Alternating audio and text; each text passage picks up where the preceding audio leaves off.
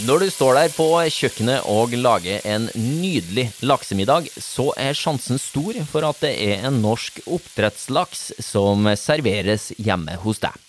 Den oppdrettslaksen har jo blitt mata før den blir til din mat, og den har trolig spist seg stor og god med hjelp av proteiner fra blant annet soya. Soyaen må, i likhet med det aller meste av protein i fiskefôret, fraktes et langt stykke hit fra utlandet. Og det er en av grunnene til at den ikke akkurat står høyest opp på lista over bærekraftige produkt for den norske laksen. Så da blir jo spørsmålet har vi noe litt mer lokalt her hjemme som vi heller kan bruke som fiskefôr? Og kan det kanskje også gjøre laksen vår enda sunnere?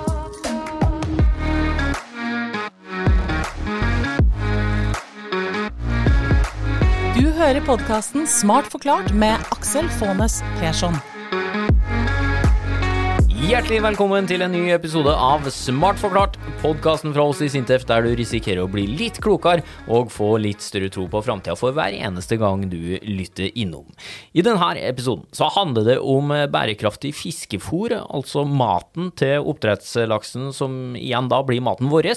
Og for å forklare for oss der, så har vi besøk av to som du garantert ville ha hatt det artig med om du havna til bords med dem, da, under f.eks. en bryllupsmiddag eller lignende. da. Ida Gronge Aursan og Carl Almås, velkommen, velkommen. Tusen takk. Tusen takk for det. Eh, og om han da, han havna på bord med dere, eh, hva hadde smalltalken dreia seg om da? Eller hva han garantert gått Ja. inn på etter hvert? Vi hadde nok fort havna inn på bærekraftige fòrråvarer, Ja. som er mye vi tenker på nå om dagen, da. Jo da, jeg synes jo Hvis en først sitter i en eh, middag, så høres jo det litt kjedelig ut. Det måtte jo være andre tema. Det kan jo bare, både være vinkart og meny og greier. Ja da. Men eh, vi har sikkert kommet inn på det etter hvert. Ja, Sittet med lunsj sammen, til lunsj Ja sammen med deg før, Karl. Det er mange gode historier å by på, så jeg tror ikke det har vært noe problem i hele tatt. Du, jeg tenkte vi skulle gjøre en vri i dag. Kan ikke dere introdusere eh, hverandre Jo. eh, kjapt? Eh, Så Ida, hva kan vi si om denne Carl Ja. Almås? Carl Almås. Han har jo erfaring, 40 års erfaring fra forskning og industri, industriutvikling. Oi sann. Ja, ja, ja. Og han var jo med og gründa Sinte fiskere og havbruk og bygde opp det instituttet fra scratch. Eh, og det heter jo nå Sintef Ocean. Så du eh, var jo eh, vår eh, sjef i mange, mange år, Karl. Og så eh, har du jo skrevet, vært hovedforfatter for den Sintef-rapporten på bærekraftig fôr, som kom ut i 2020. Og nå da det veikartet som vi ga ut i vår.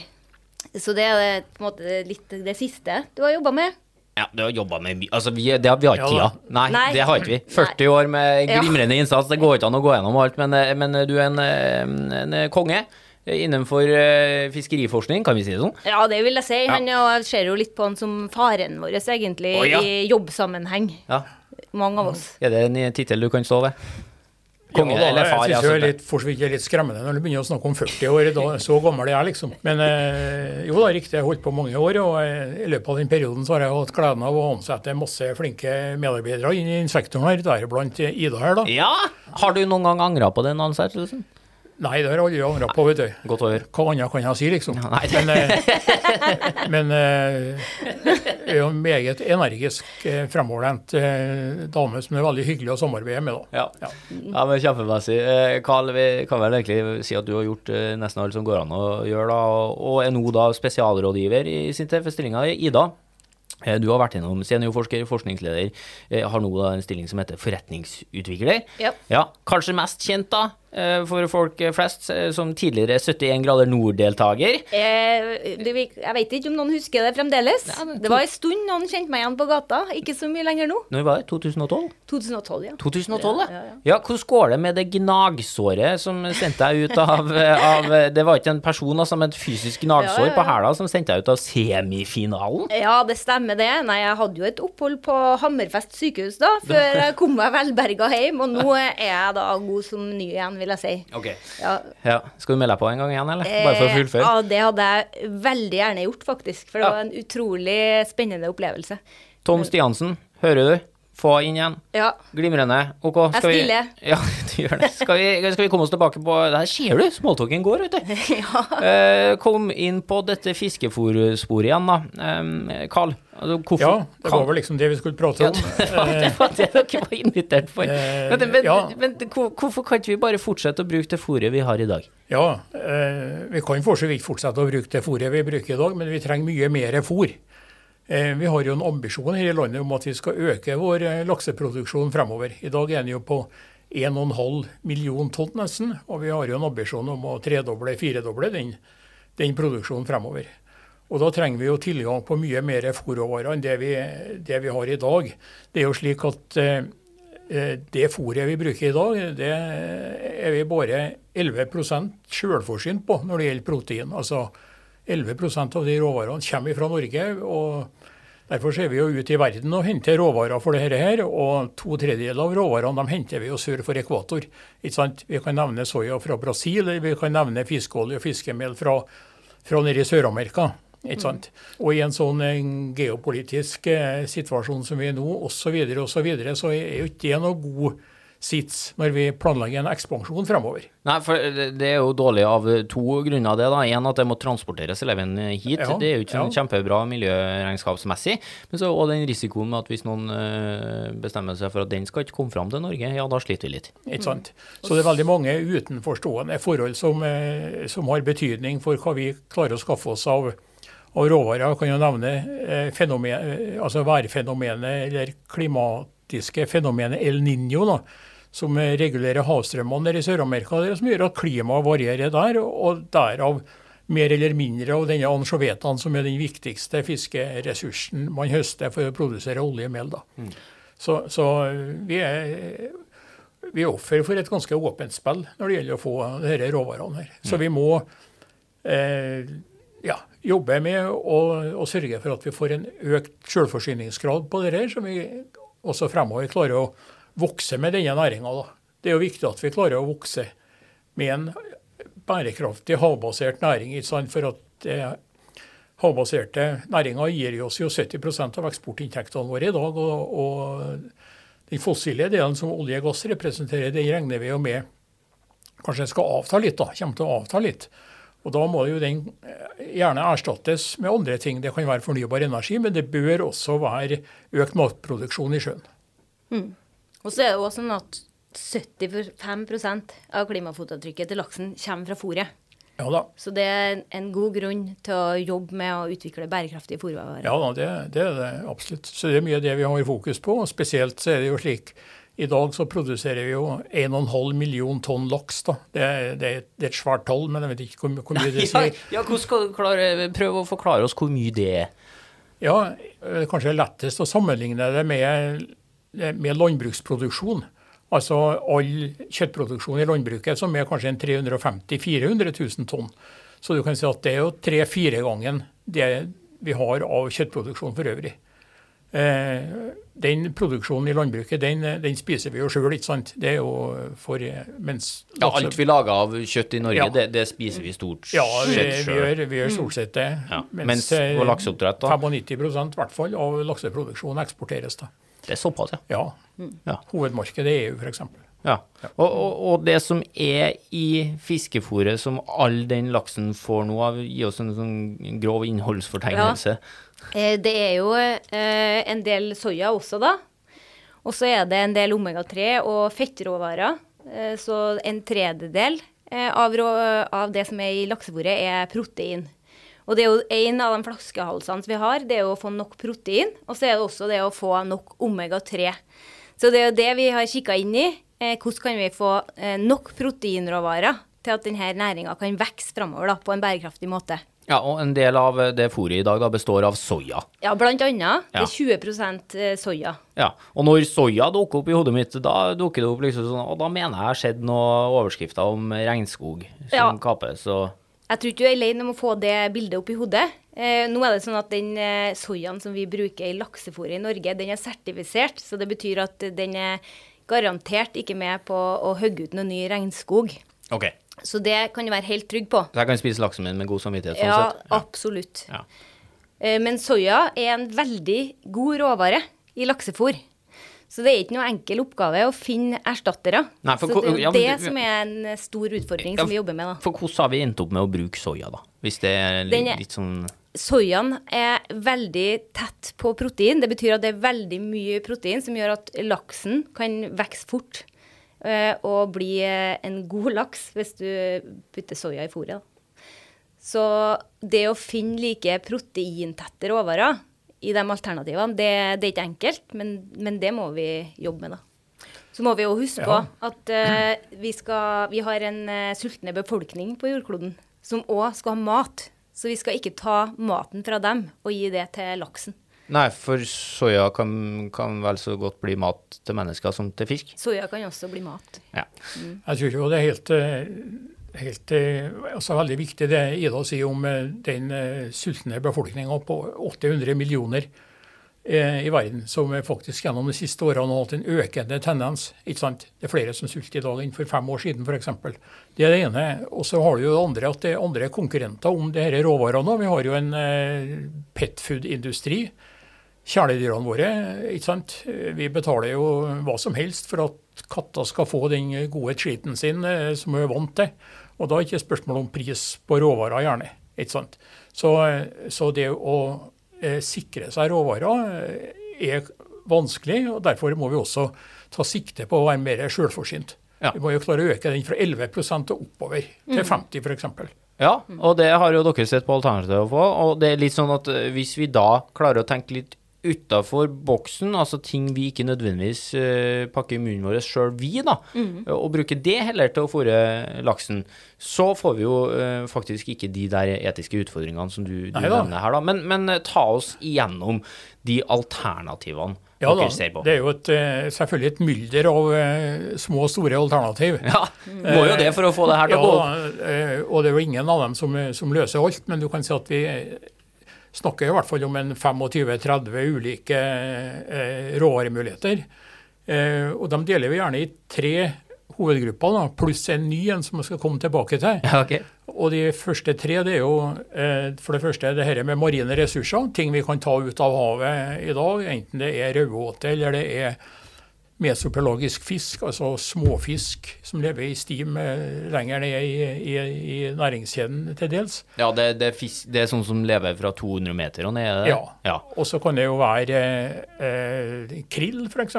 Bitte, bitte små Ja, eh, krepsdyr som, eh, som er, lever i Antarktis, men som vi også har i våre farvann. Så videre. Det er mange muligheter fra marine råvarer. Og så har vi de landbaserte råvarene. Vi kan jo tenke oss å, å, og, dyrke noen av dette. Vi kan f.eks. dyrke soya eller belgfrukter osv. i Norge òg, og satse på at vi skal få til det. Kan vi dyrke soya i Norge, altså? Ja, det kan vi. Ja, okay. Men eh, eh, det som vi også har sett på, det er jo å ta vanlig grasproduksjon og så presse ut safta av vanlig gras, for så å felle protein ut av det.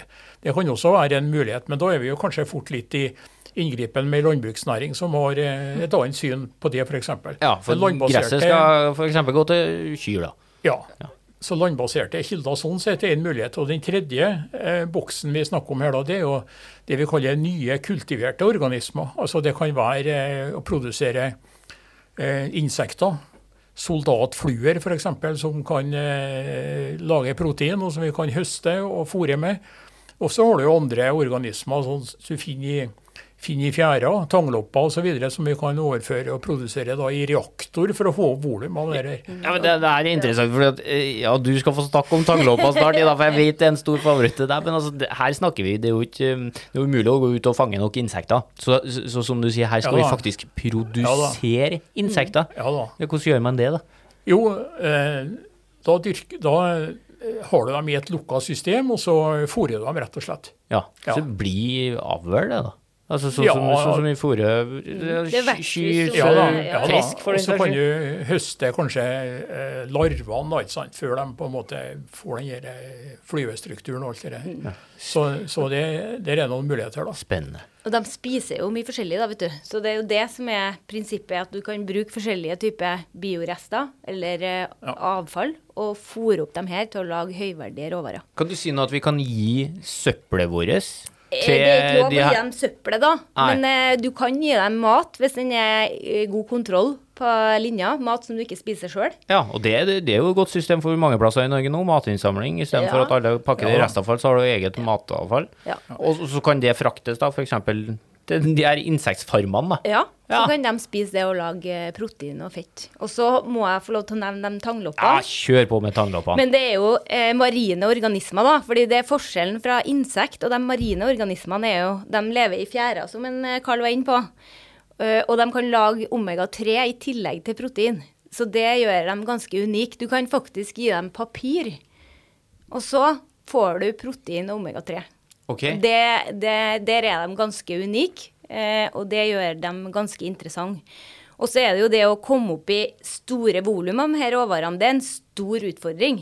Eh, men at de kan være et viktig bidrag inn som en fòrråvare, det har vi trua på da. Men hva, hva er en tangloppe? Du må Eh, du hjelpe oss der. Ja, hvis du går ned i fjæra og løfter på noe tang, Ja. så ser du en bitte liten reke som ligger der. Og det er en såkalt eh, tangloppe, da. Ja, den må jeg se etter. Ja, det må du gjøre.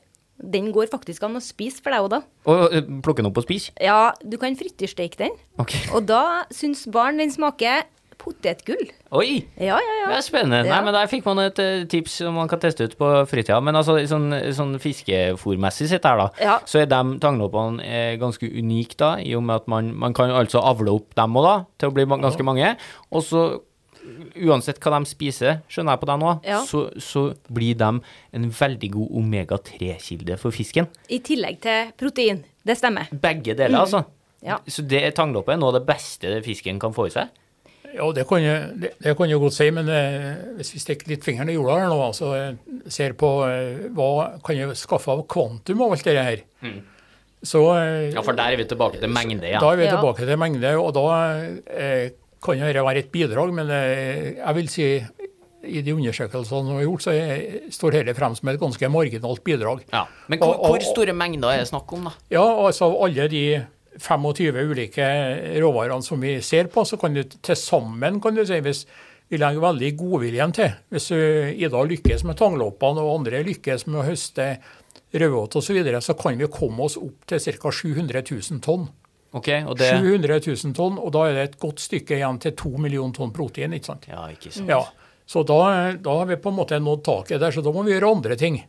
Og da kommer vi til kategori eller gruppe fire. Da kommer vi til kategori fire, som er ikke bare å høste celler, men da er vi over på mye mer å produsere nye celler gjennom såkalt altså encelleproteinproduksjon. Det, har vi jo, det, det er jo kjent rundt omkring i verden å drive encelleproteinproduksjon, men, men eh, det må nok til eh, for at vi skal komme oss utover de 700 000 tonn. Men, men hva er det for noe? Sier du at da, da er du på et laboratorium og skaper noe? Eller Ja, nei hva går det ut på? det, det er store reaktorer. Når du, når du brygger øl og produserer gjær f.eks., så er det en form for encelleproduksjon. Oh, ja. Ja. Så, så det er veldig mange kjente prosesser. Og i sin tid eh, så hadde vi også her ute på Kjelbergodden et anlegg som produs, produserte enceller på basis av metanol. Men, men det- hva gjør man da hvis man skal gjøre det her for fisken eh, sin del? Nei, det, det er jo Jeg vil da bare si at det er jo protein eh, Altså det er bakterier eller gjær som vokser inni en eh, reaktor. Det er det som er Det er encelleprotein. Ja. Og så kan du putte inn forskjellige ting for å få dem til å vokse. Ja. Så det, du kan velge ulike bakterier som vil ha ulik mat da, for å vokse. Så de kan bl.a. vokse på eh, CO2, eller karbondioksid, og hydrogen. Det er jo kjempebra. Fanger vi det fra Ja. eh, Det er et veldig interessant alternativ. og, og, Men bare for å spørre om det òg, da fanger den CO2-en fra lufta, da, eller hva? Det Eller, kan, eller fra en avgass fra et punktutslipp. ikke sant? Vi har f.eks. et prosjekt gående oppe i Finnfjord, oppe i Nord-Norge, i et smelteverk der. Eh, da bruker vi CO2, karbondioksid, som karbonkilde. Men da er det lys som er energikilden. Ja. Altså såkalte fototrofe mikroalger, som da gror på lys, eh, har det som energikilde, og karbondioksid her, og en annen nitrogenkilde, og så blir det produsert. Rett og slett spiser spise seg større på, på CO2, som Ja, ja. er da en Ja, byggebrikke for dem. Ja, Ja. Ja, og som da igjen blir mat da, Mm. på fisken vår. Så, så blir, ja, fantastisk. ja. Ja. Men du, apropos eh, sånne ting, jeg skjønner da er veldig mange løsninger her, da. Og så er jo utfordringa å klare å eh, få mange av de til å lykkes, til at vi får et stort nok eh, eh, volum, da. Ja. Eh, stort nok eh, mengde til å Ja. mette all den laksen som både fins og, og skal komme etter hvert, da. Men er det liksom vi som sitter og spiser det her, da? Vil vi eh, Vil det smake annerledes av fisken vår om noen år? Hvis det lykkes med det her? Nå, hvis vi bytter ut masse Jeg soya tror det med masse enkle sånn- svaret er nei. Nei. Ja. Vil den se annerledes ut? Nei. Nei. Nei. Vil den bli sunnere, da? Det er sånn at uh, vi formulerer jo fôret, og jeg tenker at hvis vi, hvis vi får tak i mer omega-3 f.eks., uh, så kan det være sånn at vi kan gi mer omega-3 til laksen. Så kan vi få en sunnere laks.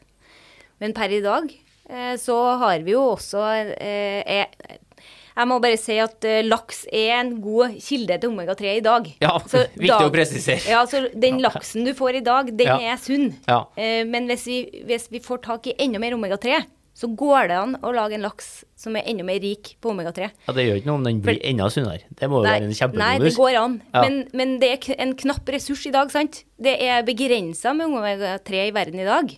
Og vi kan ikke gi den til laksen hvis vi kan gi den rett til folk. Ja, Hva mener du der? Vi kan, bruke, eh, vi kan jo spise omega-3 direkte i dag, sant? uten å fôre den til laks. først. Istedenfor å la den gå til laksen og en Ja. omvei inn i oss. Ja, så ta kan tran. vi Ta tran. med tran. Ja. Men tran eh, Ja, det er jo begrensa Eller det er delte meninger om, om det, da. Så enkelte vil kanskje sette mer pris på å få det eh, gjennom en bitte litt sunnere laks, da. Ja. Men jeg, jeg tror det er viktig å ta med seg at, eh, at laksen som eh, sådan er en veldig bærekraftig kjøttprodusent. da, ikke sant?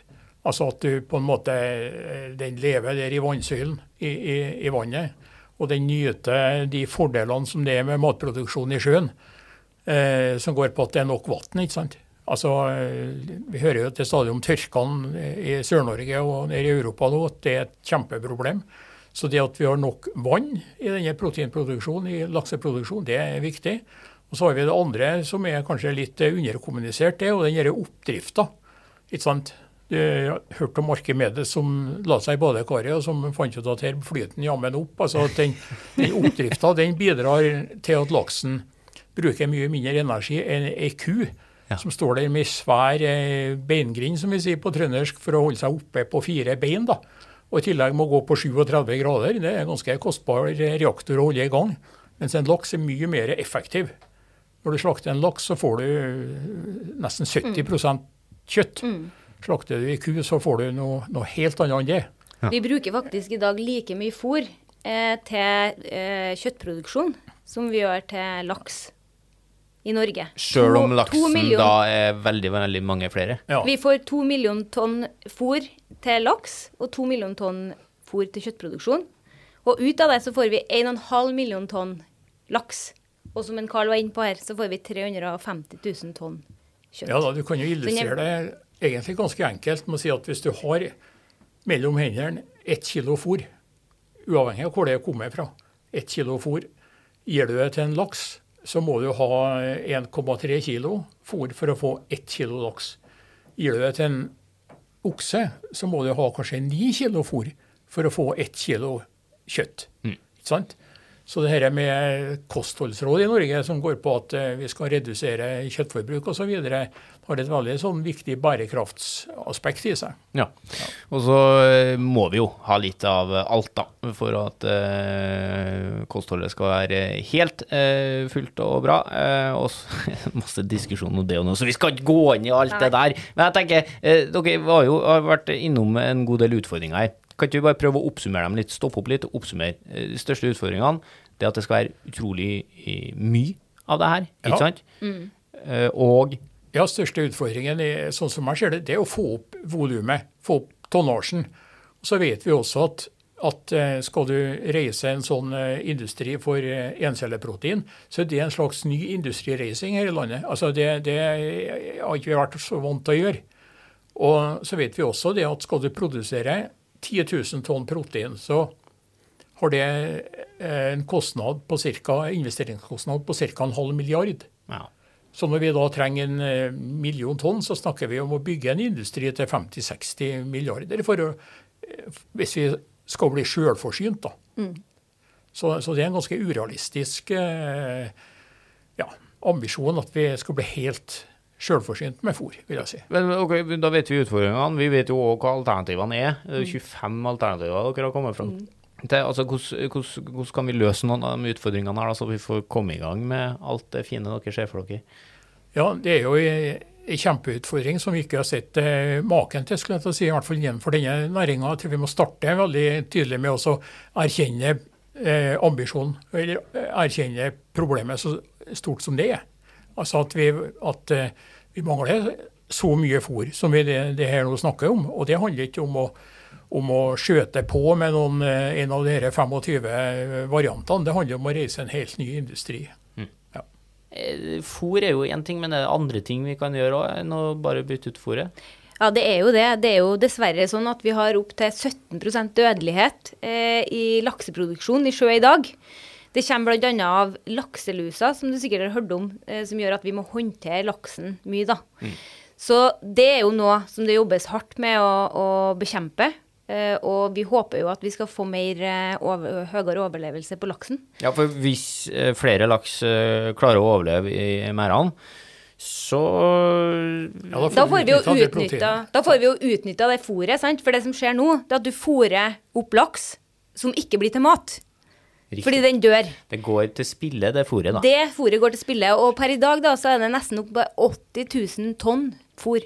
Såpass, ja. Protein. Og det trenger du for å få regnestykket til å gå opp, Karl? Ja, da, absolutt. Vi ja. trenger alt vi kan få. og hvis du, hvis du ekstrapolerer det fremover til vi skal tredoble produksjonen, så er det jo et tap på kanskje en par hundre tusen tonn. Ja. Og det kan ikke vi tillate. Og det her jobbes det jo også med. Vi har jo en ja, episode som heter eh, 'Fremtidens oppdrett', eh, mm. som du kan eh, søke deg tilbake i i arkivet. Så får du bitte litt mer om akkurat det der, da. Eh, men bare for å oppsummere det her, da, om eh, fiskefôr og mulighetene og utfordringene og alt vi har vært innom nå. Altså, gi oss fasiten her, da. Hva må gjøres for å lykkes? Nå er det sånn at det, det finnes utrolig mye kunnskap. Eh, det er forska på de her råvarene i mange år. Så det trengs å ta ting opp i skala og faktisk realisere ny industri. Ja, for, for her har vi funnet ut masse. Fortsatt mye som må finnes ut. da. Men, Absolutt. Men nå må vi begynne å bruke av den kunnskapen vi har, er det du sier? Vi må, vi må få opp farta. Ja, hvem skal få opp den farta, da? Hvem skal trykke på knappen? Nei, nå jobbes det jo eh, fra myndighetshold, og det ser vi veldig fram til å se eh, hva som kommer der. Eh, I tillegg så må vi jo jobbe langs verdikjeden i industrien, og vi eh, fra forskningssida skal bidra med det som trengs av kunnskap fra vår side, for at vi skal kunne realisere de her mulighetene. Ja, og sånn at eh, vi da kan sitte og spise den mest bærekraftige fisken vi noensinne har spist av oppdrettsfisk da, i framtida. Og absolutt, og kanskje enda mer enn det dere har spist til nå. Oh. Såpass. Ida og Carl, eh, må bare si takk for at dere eh, stakk innom her i Smart forklart. da. Jo, takk for invitasjonen. Tusen takk for oss. Og så tror jeg jeg kommer til å tenke på dere hver gang jeg lager meg en leksemiddag eh, framover. Det er jo hyggelig, det. Og takk til deg som hører på også, da. Den podkasten her hadde jo ikke vært noen ting uten deg, og du må for all del ikke være redd for å tipse en venn om at Smart forklart finnes, for i gjengen her så er det alltid plass til flere. Og så er det noen da, som syns at det tar for lang tid mellom mellom hver episode som kommer ut, og det er helt greit, det, men da kan vi jo berolige eh, med at du kan finne masse forskningsstoff eh, akkurat når det passer på sintef.no, gmn.no, Sintef-bloggen, eller ved å følge oss i sosiale medier som eh, LinkedIn eller Instagram. Og så er det masse snadder i arkivet til Smart forklart som du kan bla deg tilbake og høre akkurat når du vil der også. Nye episoder fra oss kommer om ikke så altfor lenge, og i ventetida fram til da skal forskerne her i Sintef fortsette å utvikle teknologi for et bedre samfunn.